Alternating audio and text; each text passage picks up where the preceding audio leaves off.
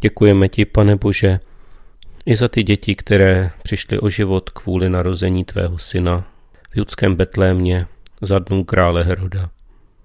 Děkujeme ti za to, že příchod tvého syna, jeho oběť na kříži a všechny události kolem byly pro naši spásu a že byly třeba i těžké a my o nich třeba ani nevíme. Chceme, pane, přijmout tuto tvoji milost jako milost zácnou, draze zaplacenou, jedinečnou. Nechceme, pane, ji rozmělnit v nostalgických koledách a e, v náladové hm, atmosféře e, adventu, která jenom uklidňuje, ale nevysvobozuje. Tak ti, pane, děkujeme za to, že ty jsi přišel, aby jsme my mohli žít. Mohli žít věčně a mohli žít s tebou. Amen.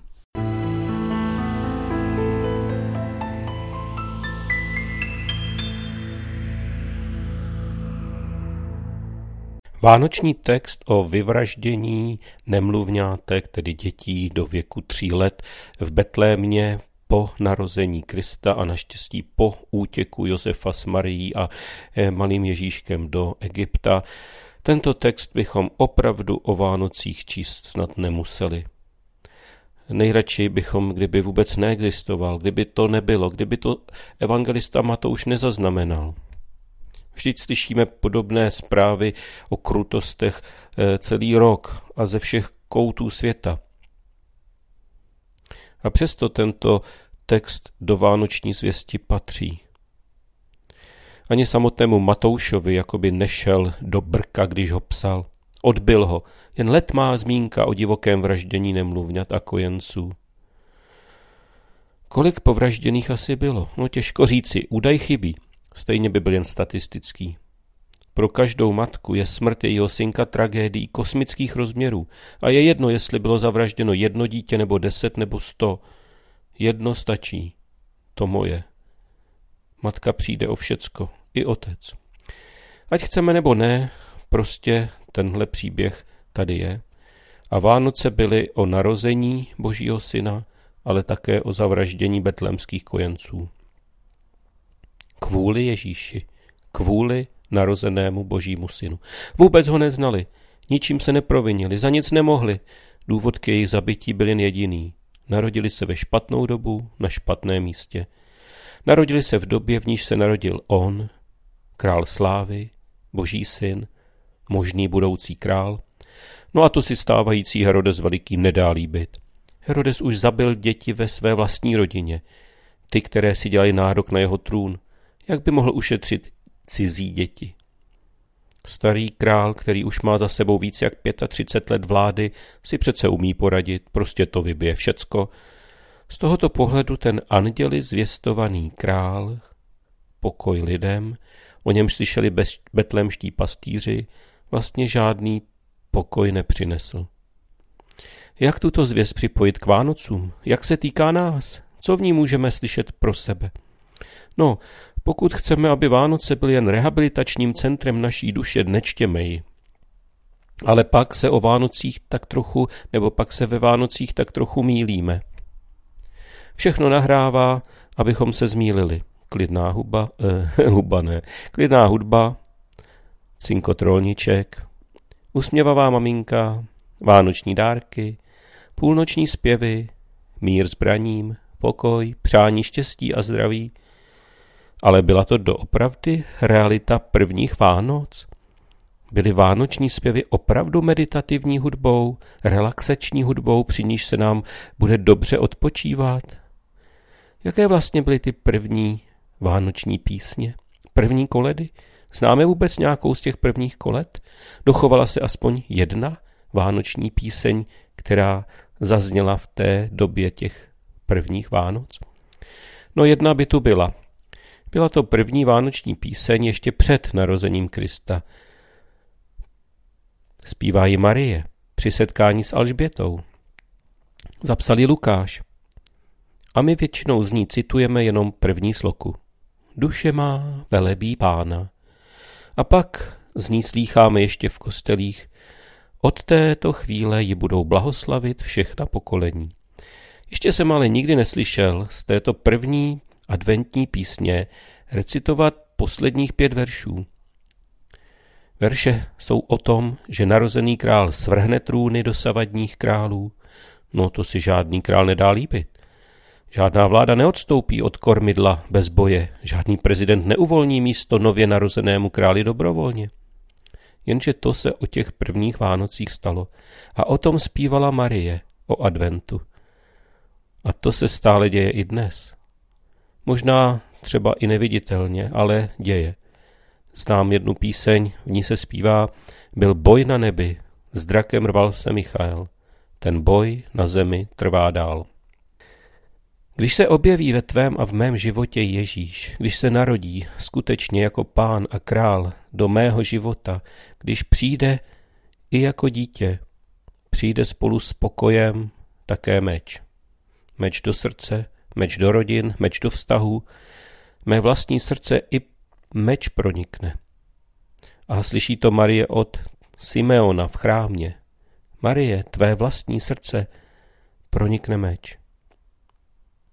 A my se později dozvídáme přímo z úst dospělého Ježíše, že kvůli němu se rozhádá otec se synem a matka s dcerou a při jeho narození vraždí Herodes nevinné kojence.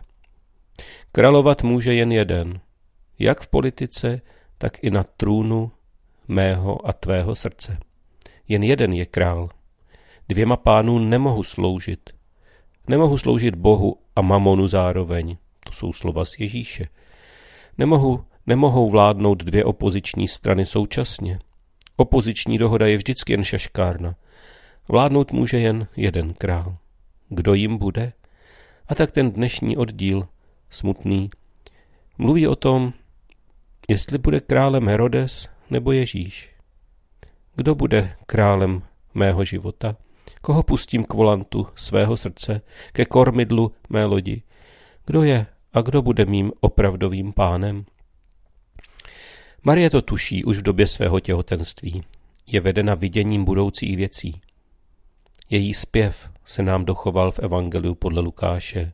Nespívá narodí se pán, veselme se, radujme se.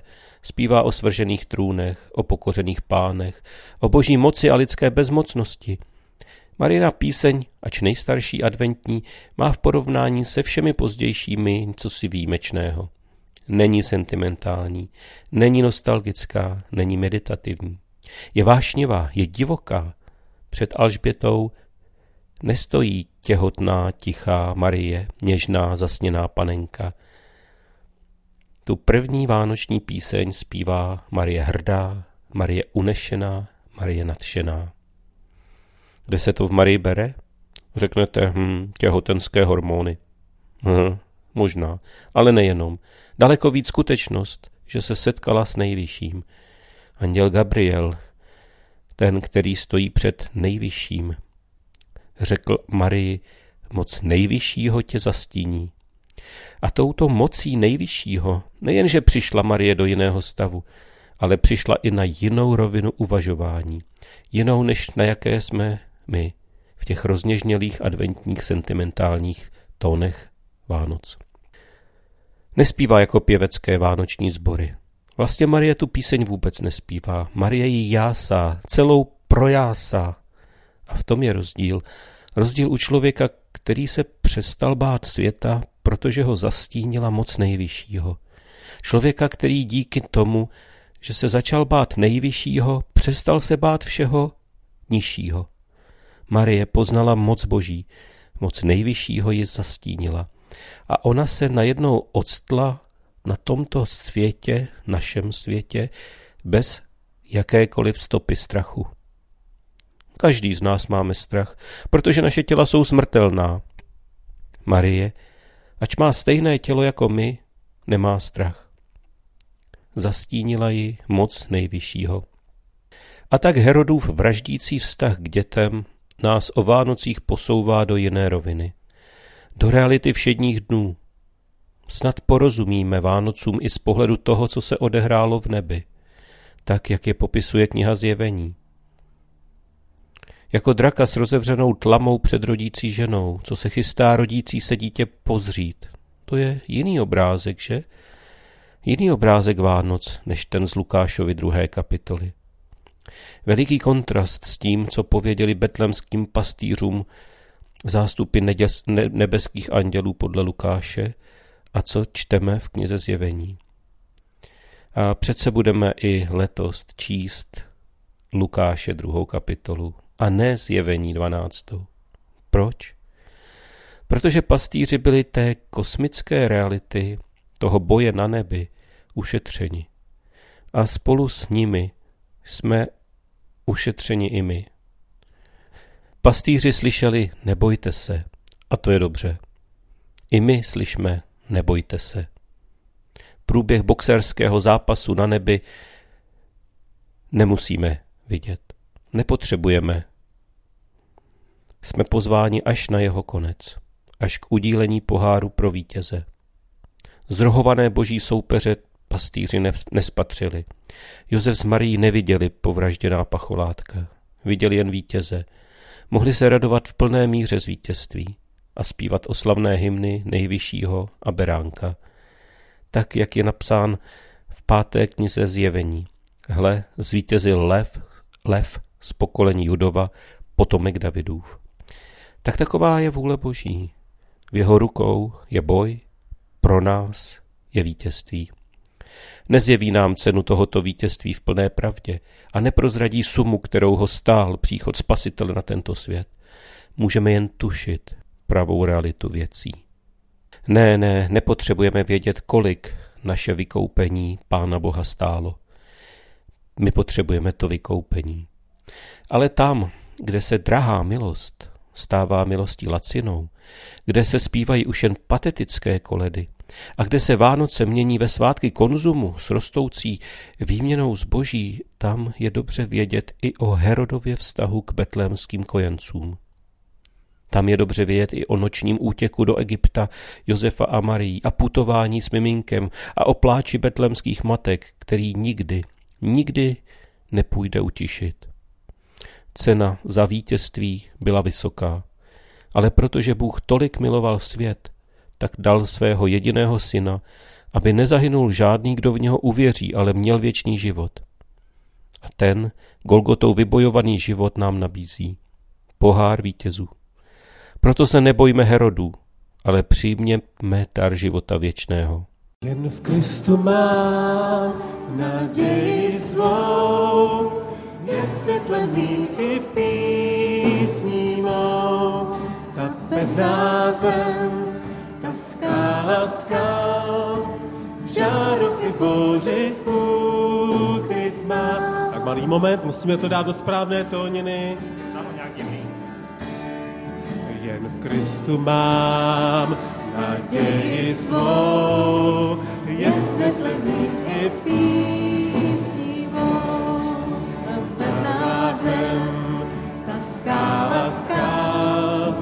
žáru i bouři ukryt. Jen pokoj tvůj, jen pokoj tvůj,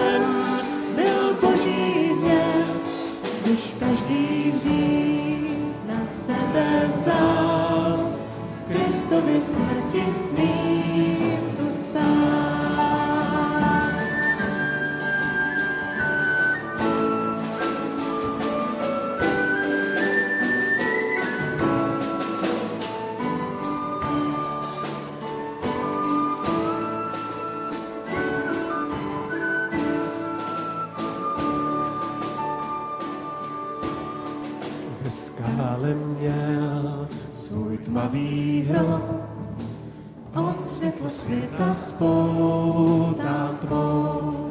Pak přišel zlom v den vítězný, když Ježíš stál, byl vzkříšený.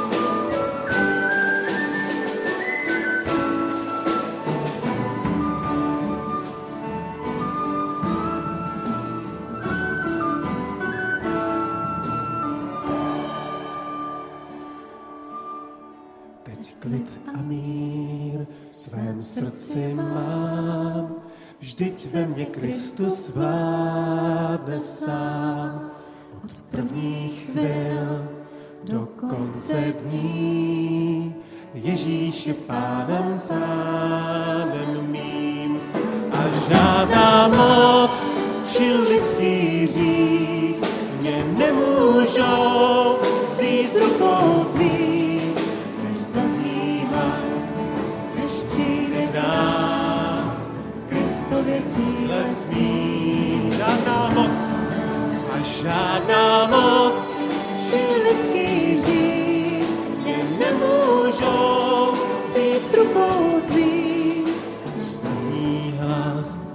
než přijde k nám, v Kristově síle smí tu stát. Osamělá vločka. Vyprávění jedné prababičky. Jednou, jako mladé děvče, jsem si připadala strašně zbytečná. Svět se mi zdál nesmyslný a prostě, prostě dávala jsem zapravdu oné strašné větě. Život je choroba hmoty. O Vánocích v onom roce, kdy k nám přijela má prababička, nebyla o moc starší, než jsem já teď. Mně, mladé holce, kterou jsem o těch Vánocích byla, připadala stará, jako, jako by byla nějaká skamenělina z vitríny v muzeu.